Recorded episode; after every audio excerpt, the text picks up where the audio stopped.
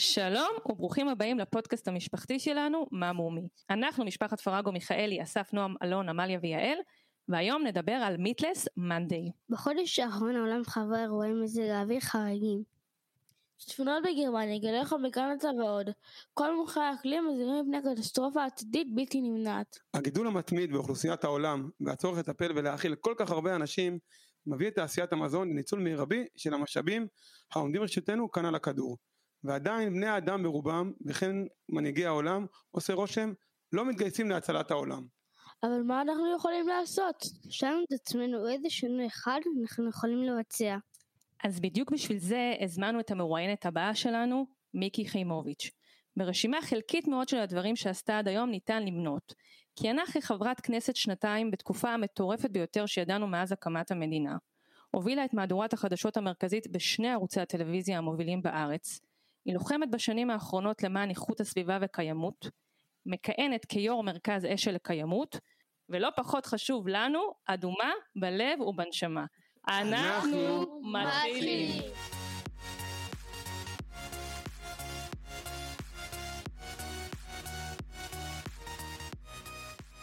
ברוכה הבאה, מיקי חמוביץ'. תודה רבה, שמחה להיות כאן.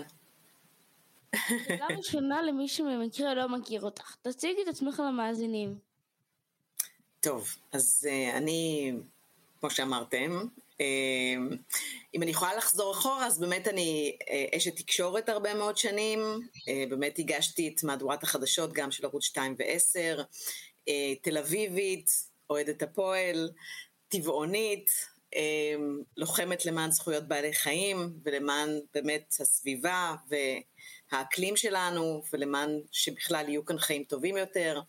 אני גם, מעבר לזה שהגשתי את החדשות, אה, בעשר שנים, אה, כלומר, האחרונות, במהלך העבודה שלי בעיקר בערוץ 10, גם הובלתי אה, סדרה של סדרות דוקומנטריות. וגם אחרי שפרשתי מהחדשות הובלתי תוכנית תחקירים חברתית, סביבתית, וזהו, ואני בעיקר מנסה אה, להקדיש את הזמן שלי לנסות שיהיה כאן טוב יותר לכולנו, גם לנו וגם לטובת, אה, לטובתכם, הילדים, לטובת הדורות הבאים. אני מאוד מודאגת מהעולם שאנחנו הולכים להשאיר לכם. מה זה בעצם מיתלס מנדי? מיטלס מנדיי זאת בעצם יוזמה שהתחילה ב-2003 בארצות הברית. אה, מי שהמציא בעצם את היוזמה הזאת זה איש יקר בשם סיד לרנר, אגב יהודי, אה, שהיה בעברו איש אה, פרסום דווקא, והוא ב-2003 החליט לנסות לעשות משהו בנוגע למגיפת ההשמנה. זה התחיל דווקא מההיבט הזה, כלומר הוא באמת היה מאוד מודאג מכך שהאמריקנים הופכים להיות מאוד מאוד לא בריאים ומאוד מאוד שמנים, וחיפש מה, מה יכול לשכנע את האמריקנים לאמץ אה, תזונה יותר בריאה. והוא בעצם לקח מושג שהיה אה, אה, מוכר מזמן מלחמת העולם הראשונה, שנקרא אז מיטלס מנדי, כשבעצם הרעיון היה בזמן מלחמת העולם השנייה לשכנע את האמריקנים יום אחד בשבוע לא לאכול בשר, כדי שיהיה בעצם לחיילים בחזית יותר, יותר בשר. זה משם זה נולד. עכשיו הוא אמר, אני אנסה לשכנע את האמריקנים, אני בטוח שאני לא אוכל לשכנע אותם ישר לוותר על כל ההמבורגרים והסטייקים שהם כל כך אוהבים, אבל אם אני אנסה לשכנע אותם יום אחד בשבוע לא לאכול את הדברים האלה ולאכול דברים יותר בריאים, לאכול פירות ולאכול ירקות ולאכול דגנים וקטניות, אז אולי זה שינוי קטן ושינוי קטן יותר קל לעשות. אז הוא בעצם המציא את הדבר הזה שנקרא מיטלס מנדי. מה שקרה זה שבשנת 2009, זה היה ב-2003, ב-2006 יצא דוח של הפאנל אה, הבינלאומי לשינוי אקלים של האו"ם, מה שנקרא IPCC, שזה בעצם פאנל של מדענים מכל העולם, שהוציא דוח שנקרא, אה, באנגלית זה נקרא Livestock's Long Shadow, בעברית זה צילו הארוך של משק החי. ובעצם מה שהדוח הזה בדק זה את הטביעת רגל האקולוגית של כל תעשיית הבשר בעולם. והדוח הזה הדהים, כי בעצם מה שהדוח הזה קבע, זה היה כבר בשנים שאנחנו ניסינו לבדוק באמת מה גורם להתחממות הגלובלית, הדוח הזה הראה ש-18% מפליטות גזי החממה בעולם, המקור שלהם הוא בתעשיית הבשר, בתעשיית משק החי. וזה הדהים את, ה, את, את כל מי שמתעסק בנושא הזה, כי אנשים נטו לחשוב שזה בעיקר מאנרגיה ו, ותחנות כוח ובתי חרושת ודברים ומכוניות, ופתאום פתאום הבינו שגם לתעשייה הזאת של הבשר יש חלק מאוד מאוד גדול, ואז בעצם הקמפיין הזה שהתחיל מהבריאות, הפך להיות קמפיין שגם דיבר על הנושא האקולוגי, על ההשפעה הסביבתית.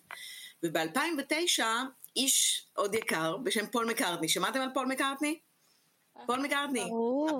ברור, ברור, הביטלס.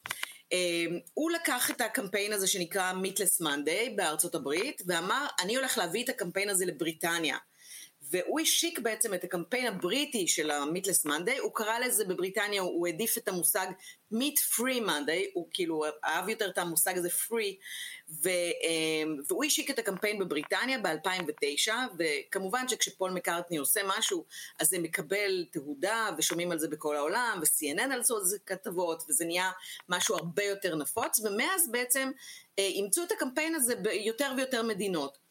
וכשאני ב-2011 פרשתי מהחדשות וחיפשתי מה אני הולכת לעשות, זה היה בתקופה שהייתי מאוד מושפעת מסדרה של כתבות שאני עשיתי שנקרא ישראלים 10, על ישראלים שעשו בהתנדבות שינוי בחיים של אחרים, ואמרתי מה יכול להיות הדבר שאני יכולה לעשות, ואז באמת אמרתי או, נזכרתי בקמפיין הזה של פול מקארטני, וזה מאוד מאוד התחבר לי, כי זה התחבר לי לזה שאני באמת צמחונית כבר 30 שנה, טבעונית 10 שנים, מאוד מאוד חשוב לי הנושא של זכויות בעלי חיים, מאוד אני מאוד כואבת את האכזריות שבתעשייה הזאת.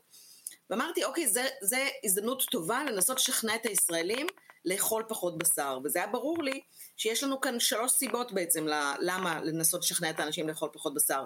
אחד זה כמובן מהנושא של החמלה כלפי בעלי חיים.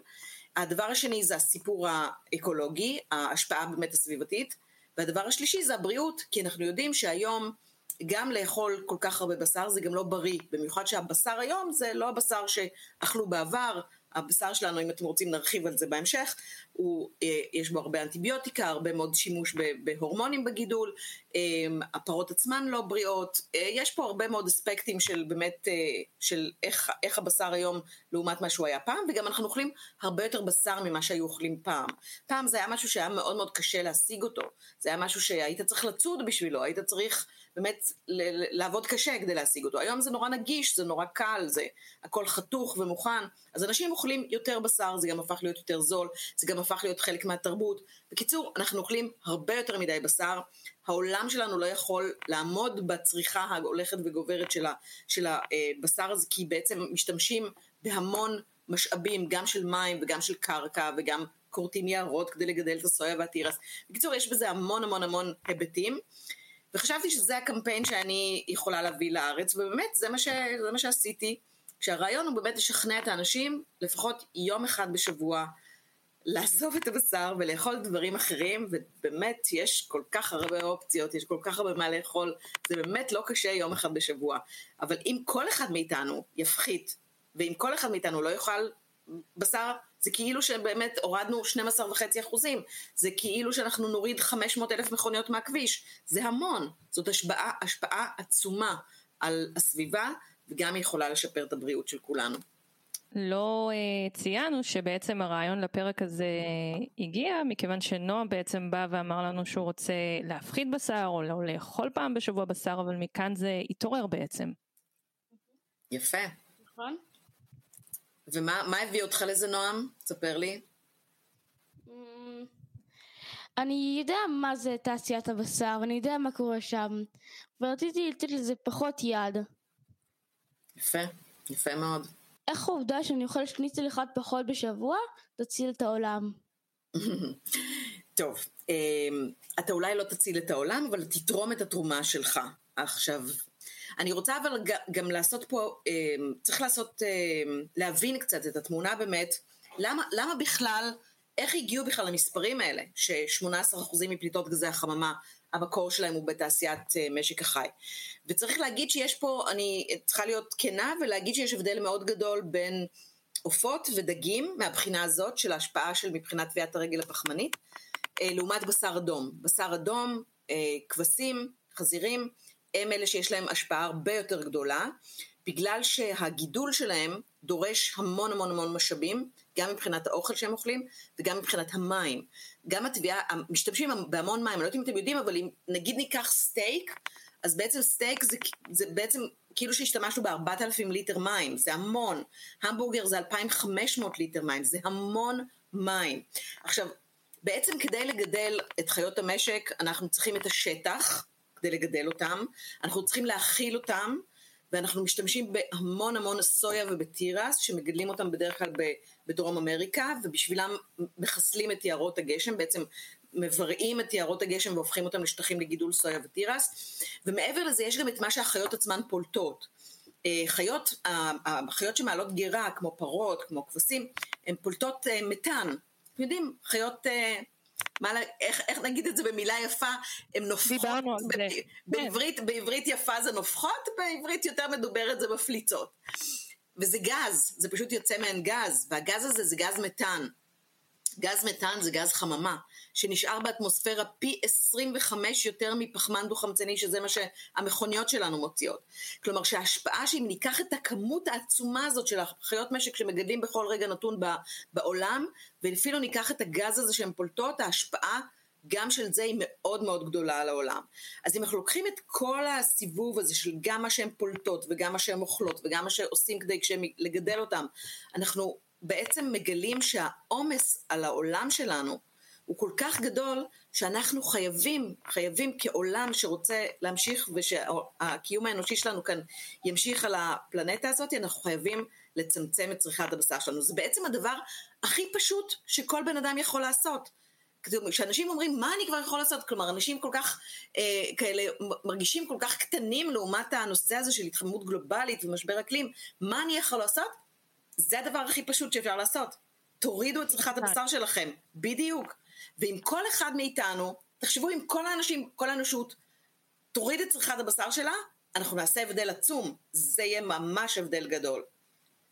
עכשיו בעצם מה שתיארת עכשיו שקצת דיברנו על הפרק הזה וזה היה נורא מצחיק לדבר על הפרות המפליצות זה בעצם mm-hmm. הדבר הכי מסוכן בפרות שגדלות בחווה ואני שואלת בשיא הרצינות. כי זה לא, סוג של זה, בדיחה שרצה. זה, לא, זה, זה, זה לא בדיחה, זה אמת לאמיתה, זה קורה הרבה. הן גם אגב פולטות יותר בגלל שהמזון שהן אוכלות זה לא המזון שהן אמורות לאכול. הן גם מגהקות יותר. האוכל ש... הרי פרה אמורה לאכול עשב, זה מה שהיא צריכה לעשות. זה מה שהיא אמורה ללכת, ללחך באחו את העשב ולאכול אותו, וזה המזון שלה במקור. היא לא אמורה לאכול לא סויה ולא תירס, ואני לא יודעת, אני לא יודעת אם אתם יודעים, אבל במזון של הפרות יש כל כך הרבה זבל שפשוט שמים להם שם. אני הייתי פעם באיזשהו אה, כנס שהתברר לי שבארץ למשל אה, נותנים לפרות ופלות. האם אתם יודעים שהשאריות של הבפלות שלנו, אה, יש כאלה, כשחותכים את הבפלות אז נשארים בצדדים, כי הדף של הוופלה הוא לא בדיוק מרובע.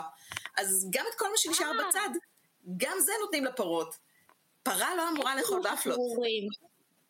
אז יש שימוש לפעורים בסוף. כן, אבל, אבל זה לא השימוש שצריך להיות לפעורים. הפרה אמורה לאכול עשב. ואגב, אם כל הפרות היו באמת אוכלות עשב, כי יש, יש למשל פרות שנורא מתגאים, יש כזה, אה, כשקונים אה, בשר, אז לפעמים יש כתוב grass fed beef, כאילו, כי זה כאילו הבשר הכי איכותי, שהפרה הזאת היא באמת ניזונה ממה שהיא אמורה להיות אה, ניזונה ממנו, וזה נחשב הבשר הכי איכותי.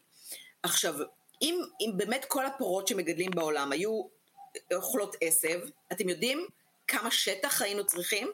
אנחנו צריכים שלושה כדורי עולם כדי שכל הפרות יאכלו עשב. אבל אין לנו שלושה כדורי עולם, יש לנו רק אחד. אז כדי שהם יאכלו משהו, אז צריך לפטם אותם בדברים שהן לא אמורות לאכול, וזה חלק מהדבר שזה גורם, זה כמובן שהן גם מגהקות יותר ומפליצות יותר, והגז הזה הוא מסוכן לנו. הוא אחד מהגזים, גזי החממה, הרעים יותר, שגורמים כאן, מגבירים את ההתחממות הגלובלית שלנו. אז מכל הבחינות, אנחנו פשוט חייבים לאכול פחות בשר. חשוב מאוד. רגע, יש לי שאלה קטנטנה לפני שאנחנו עוברים לשאלה של אלון, אה, לגבי אה, חלב, כלומר פרות שמגדלים אותם לחלב, אותו. זה אותו דבר. אותו דבר. Okay. אוקיי. אגב, יש מחקר, יש מחקר של מכון, מכון אחר שנקרא World Watch, שיצא גם כן די סמוך לאותו מחקר של ה-IPCC, שטען שההשפעה של גזי החממה, כלומר שהשפעת טביעת הרגל האקולוגית של תעשיית הבשר היא הרבה יותר גדולה, והם טענו בין השאר שלא החשיבו שם את תעשיית החלב. כמובן שגם פרות חולבות הן משפיעות באותה מידה, אין ספק. איך אפשר להימנע מפרות שמפליצות? אז זהו שאי אפשר, כלומר זה חלק מהטבע שלהם, זה, זה מה שהן עושות, אי אפשר להימנע, מה שאפשר לעשות זה לגדל פחות פרות, ואם אנחנו נאכל פחות, אז יגדלו פחות, ואז ההשפעה תהיה יותר קטנה על העולם. אנחנו צריכים להגיע למצב שמגדלים ממש ממש מעט פרות, או אפילו בכלל. אנחנו יכול להיות שאנחנו נגיע לזה בעוד חמש, עשר שנים. היום עובדים במיטב המעבדות, מנסים לגדל בעצם בשר של פרות ושל שאר בעלי החיים במעבדות. זה יהיה בדיוק אותו בשר, הוא יגדל מתאים, תאים שמוציאים אה, מפרה, לא פוגעים בה, לא הורגים אותה בשביל זה, והתאים האלה גדלים במעבדה, יהיה מזה סטייק. אה, מגדלים תאים של שריר, מגדלים תאים של שומן, עובדים על זה, בסוף אני מאמינה יגיעו למצב שבו יבנו במעבדה ממש, אה, יהיה לנו בשר שגדל בלי רצח, בלי שאף אה, חיה מתה בשבילו, ויהיה לו את הטעם שאנשים נורא נורא אוהבים וקשה להם לוותר עליו, ואני חושבת שזה באמת העתיד. הרבה פעמים שואלים אותי אם אני בתור טבעונית, אם אני אסכים לאכול את הסטייק הזה, והתשובה שלי שהיא כן, כי אין לי, אין לי בעיה לאכול אה, את הבשר הזה, כי אף חיה לא אה, נתנה את חייה בשביל, אה, בכלל המושג הזה נתנה לו, הוא לא, הוא לא נכון, אף, אף אה, חיים של פרה לא נלקחו אה, בשביל שאני ייהנה מהבשר שלה. מה שלוש המטרות העיקריות של הארגון? אה, המטרות של היוזמה הזאת שנקראת מיטלס uh, מנדיי הם בעצם להעלות, קודם כל להעלות את המודעות. שאנשים יבינו את ההשפעות שיש לבחירה שלהם, של מה שיש להם בצלחת. אנחנו מאוד מאוד רגילים להתייחס למה שיש לנו בצלחת ולחשוב עליו, האם זה טעים, לא טעים, אה, האם זה יקר, זול, אה, אנחנו אפילו בעידן הזה של אה, תוכניות הבישול מתייחסים להאם זה יפה, לא יפה, נורא חשוב לנו עם איך זה יושב בצלחת, איך צלחתו את זה, ואנחנו פחות חושבים על ההשלכות של הבחירה שלנו של מה שיש לנו בצלחת. מה זה אומר בעצם? מה ההשפעה הסביבתית של זה? מה, אה, מי נתן את החיים שלו כדי שיהיה שם? מה, מה יקרה אחר כך? Uh, הבזבוז של, ה, uh, של המזון, מה שקורה ב, ב, בדרך שבה אנחנו מכינים את האוכל שלנו. אז אני, אז אני חושבת שקודם כל הדבר הוא, החשוב ביותר הוא להגדיל את המודעות שאנשים ייקחו בחשבון גם את ההשלכות האלה של מה שהם בוחרים שיש להם בצלחת. הדבר השני זה כדי שאנשים יבינו שמה זה, זה הבשר הזה, מאיפה זה הגיע, האם התעשייה הזאת היא תעשייה uh, אכזרית, עד כמה היא אכזרית, מה זה אומר לא הרבה אנשים יודעים, למשל שחלב, פרה לא נותנת חלב, אני, אה, פרה נלקח ממנה החלב, החלב שלה היה אמור להיות לעגל שלה, הוא לא היה אמור להיות לנו, אנחנו היונקים היחידים בעולם ששותים חלב שהוא לא של אימא שלנו. אמ, ויש הפרדה בין אימהות, בין הפרות לעגלים.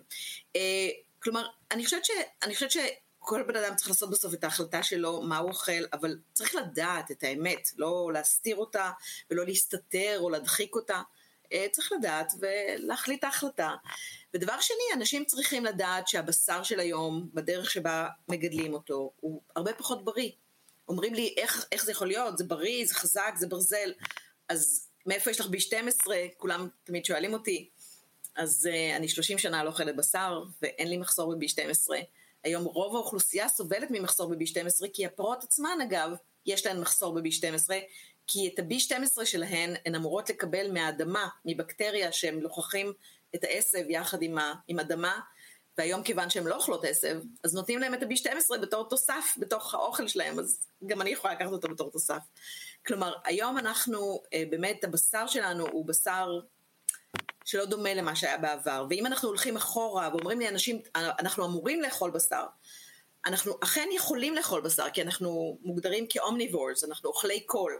אז הגוף שלנו באמת מעכל בשר ויכול לאכול בשר, אבל אם אנחנו הולכים אחורה אחורה לתקופה שבה אנחנו היינו ציידים לקטים, אז היחס בין הבשר לבין מה שהיינו מלקטים היה בערך 15% ל-85%, זאת אומרת 15% ציד ו-85% ליקוט. וזה בערך היחס שאנחנו צריכים לשמור עליו. אבל היום זה לא היחס שקורה, היום אנשים אוכלים בשר בוקר, צהריים וערב. פעם היום אנשים אוכלים רק בחגים, באירועים מיוחדים, כשהם היו מצליחים לצוד חיה, זה היה קורה לעיתים הרבה יותר רחוקות. והיום אנחנו מגזימים, כמו שאנחנו מגזימים בהכל, אנחנו מגזימים בצריכה, אנחנו מגזימים בדברים, בכמויות של הדברים שאנחנו קונים, בכמויות של הבגדים שיש לנו, בדרך שבה אנחנו בכלל מתנהלים בחיים שלנו. אז חלק מהדבר הזה זה אומר less, כאילו אני חושבת, נורא מזדהה דווקא עם המושג הזה meat less, פחות, פחות. אנחנו צריכים להרגיע את הצריכה שלנו, אנחנו צריכים לחזור לבייסיק. גם בתזונה שלנו, אנחנו צריכים לחזור לפחות מזון מתועש, לפחות מזון מעובד.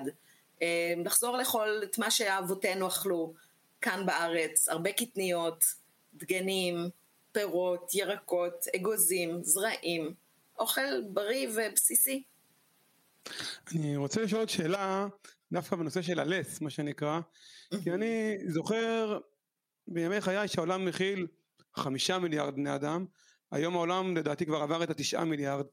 אפילו עוד לא, אבל הוא יגיע לשם, כן. הוא הוא באזור. אפילו אם נצמצם את המיטלס מאנדי, את היום אחד בשבוע, עדיין הכמויות שהעולם בעצם צורך, הם כמעט הכפילו את עצמם בפחות מחמישים שנה.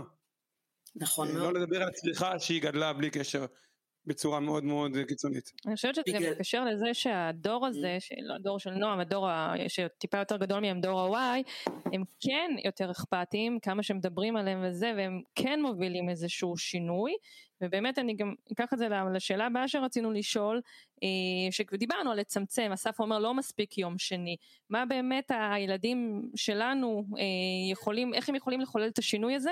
אני חושבת שהדור הבא באמת מראה לנו שהם הרבה יותר מבינים את הסוגיה הזאת והם הרבה יותר מודאגים והם בעצם באים ותובעים מאיתנו המבוגרים לשנות ולעשות את מה שאנחנו מחויבים לעשות על מנת שבאמת הם יוכלו להמשיך לחיות פה בדרך שאנחנו חיינו.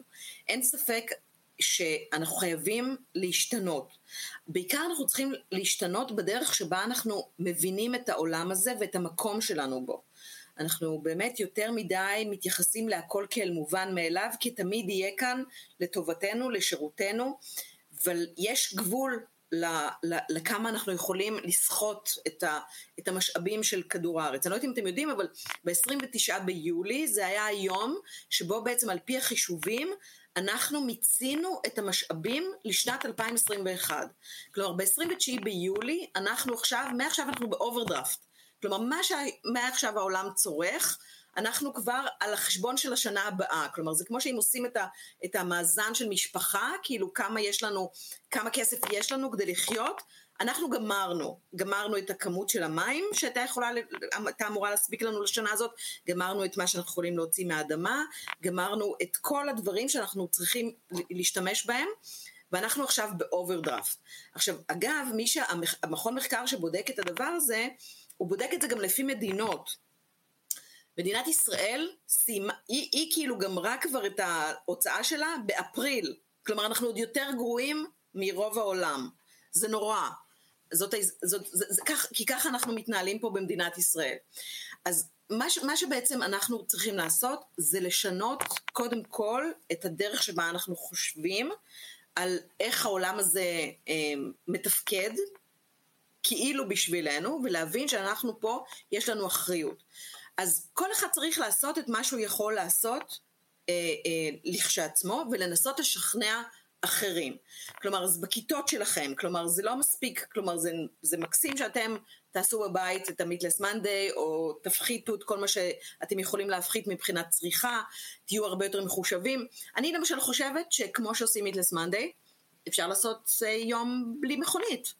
כלומר, למדנו שקודם כל, אני, אני למשל ניסיתי כשהייתי בכנסת, אה, לנסות לעשות הצעת חוק, באמת שהנושא הזה של יום עבודה מהבית יהיה ממש בחוק, כלומר יהיה, יהיה אפשר בכל המגזר הציבורי, במקומות פרטיים, מי שרוצה, כלומר תהיה, זה פשוט החוק הזה מסדיר את זה מבחינת ביטוח, מבחינת כל הזכויות, שאפשר יהיה לעבוד יום אחד מהבית. אמ, כשאני הייתי צעירה, אמ, ישראל הייתה במשבר של נפט, זה היה בשנות ה-70, אה, היה אמברגו של נפט על ישראל והיה פה מחסור בדלק. ומה שעשו זה אה, הכריזו על כך שכל מכונית, כל משפחה, כל בית אב, היה צריך להחליט איזה יום בשבוע הוא לא נוסע עם, עם האוטו. ואני זוכרת הייתה לנו מדבקה כזאת שהייתה מוצמדת לחלון, וביום הזה נגיד היה שם ב' או ג' או לא משנה איזה, איזה אות של היום, וביום הזה אסור היה לנסוע עם האוטו. אני חושבת שזה רעיון מצוין גם לעשות אותו עכשיו. כלומר, למה שלא באמת כל אחד ישאיר יום אחד בשבוע את האוטו בבית, ייסע בתחבורה ציבורית, ייסע עם השותפים שלו לעבודה. אה, אנחנו צריכים להיות מהבחינה הזאת הרבה יותר לקדם את השיתופיות אה, ופחות את התחרותיות שגורמת לנו גם תמיד לרצות יותר ולעשות יותר ולהשתמש ביותר משאבים. וכל הרעיון הזה של יום אחד, אנחנו יכולים לעשות אותו בהרבה דברים, לא רק וכמובן להשתדל כמובן לא להשתמש בפלסטיק ולנהל את ההשפעה שלנו כמו שצריך ולקנות uh, את האוכל שלנו בצורה מושכלת כדי שלא נבזבז סתם אוכל um, וכל מה שאנחנו יכולים לעשות יש המון, שאנחנו, המון דברים שאנחנו יכולים לעשות ולא להשאיר את זה רק אצלנו לדבר על זה עם אנשים אחרים לעשות בכיתה, לעשות בעבודה לקדם את המודעות לנושא הזה. את חושבת שהציבור הישראלי אה, מסוגל? מסוגל לזה? לחלק? למעט? להרבה? אמ, אני חושבת שזה מאוד קשה בארץ. אני חושבת שיש מעט מדי קשב לנושאים האלה. יש פה משהו באופי הישראלי ובצורך הזה, בגלל שאנחנו כל כך חיים במצוקה כזאת ובתחושה כזאת כל הזמן שאנחנו עם הגב אל הקיר, שאנשים רוצים שייתנו להם את היכולת ליהנות מהחיים ו... ו אה, אבל יחד עם זאת, אני חושבת שבסוף בסוף אנחנו כן סולידריים ואנחנו כן אכפת לנו, זה פשוט עניין של איך, איך מדבררים את הדבר הזה. אני נורא מתעסקת באיך באמת משכנעים אנשים שזה חשוב. אני צועקת את זה בכל מקום, אני מנסה לדבר על זה בכל מקום, שבאמת אנשים יבינו שהנושא הזה, אין לנו, אין לנו עולם אחר, אין לנו פלנטה אחרת, אין לנו מקום אחר, זה משפיע, זה ישפיע על כולם. אה, ואנחנו חייבים לשנות את הדרך שבה אנחנו מתייחסים לנושא הזה. והקטע הזה שבישראל מתייחסים לנושא הזה כאל משהו באמת איזוטרי ולא חשוב, ומה זה כבר משנה, ואני זוכרת שכשאני התחלתי את מיטלס מאדי, כל הזמן אמרו לי, זה מה שחשוב? בזה את מתעסקת? ואני אמרתי, כן, זה חשוב, זה נורא חשוב, וגם יום אחד בשבוע יכול לשנות את העולם. כל דבר קטן שאנחנו יכולים לעשות, יכול לשנות. אז, אמ, ואני כל הזמן אומרת, אין לנו, אין לנו פשוט את הפריבילגיה להתייאש. אמ, חייבים לנסות לעשות הכל, להעיר את כולם. שאלה אחרונה, מה רוצה שהמאזינים ייקחו מהפרק הזה? אני רוצה שהמאזינים אמ, יעמיקו, קצת, קצת יקראו, יראו סרטים דוקומנטריים, יש עכשיו המון סרטים בנטפליקס שמתעסקים בנושא הזה. אמ, אני רוצה שאנשים יבינו שזה לא רחוק, זה לא השריפות באוסטרליה או בארצות הברית, אה, זה יכול להיות אה, גם, זה כבר כאן, אנחנו מרגישים את הגלי חום, כל ההשפעה הזאת היא הולכת להשפיע על ישראל, הנושא של משבר האקלים אה, הוא הולך להשפיע עלינו כאן במדינת ישראל בצורה דרמטית, ואנחנו הולכים להיות מאוד מאוד מושפעים מזה. ואני רוצה שכל אחד יחשוב על הילדים שלו ועל הנכדים שלו, ויחשוב על איזה עולם אנחנו רוצים להשאיר להם. ולהבין שיש לנו אה, כבני אדם אחריות אה, לשנות את, ש, את, העול, את הכיוון של שם העולם הולך. וכל אחד יכול לשנות. ואנחנו צריכים לדבר על זה, ואנחנו צריכים לעסוק בזה, ואנחנו צריכים להציף את הנושא הזה, ואנחנו צריכים ללחוץ על הפוליטיקאים שלנו שיעשו את מה שהם צריכים לעשות כדי להכין את, ה, את המדינה הזאת לקראת אה, זמנים קשים שיהיו כאן יותר. ואנחנו אה, צריכים בעיקר אה, להתכונן ולעשות ביחד. צריך להתכונן וצריך גם לעשות כדי שאנחנו נגרום פחות נזק. כי אנחנו פה לא לבד, ויש לנו אחריות. תודה רבה, מיקי. תודה רבה לכם. אין ספק שהעולם כיום מציב לנו כאזרחים גלובליים אתגרים חוצי גבולות, קשה לדעת איזה השפעה תהיה לזה על הדורות הבאים. בינתיים אתם מוזמנים להאזין לנו בכל האפליקציות השונות, ותודה רבה למעוז פלד על עריכת הסאונד. יאללה הפועל. Bye bye.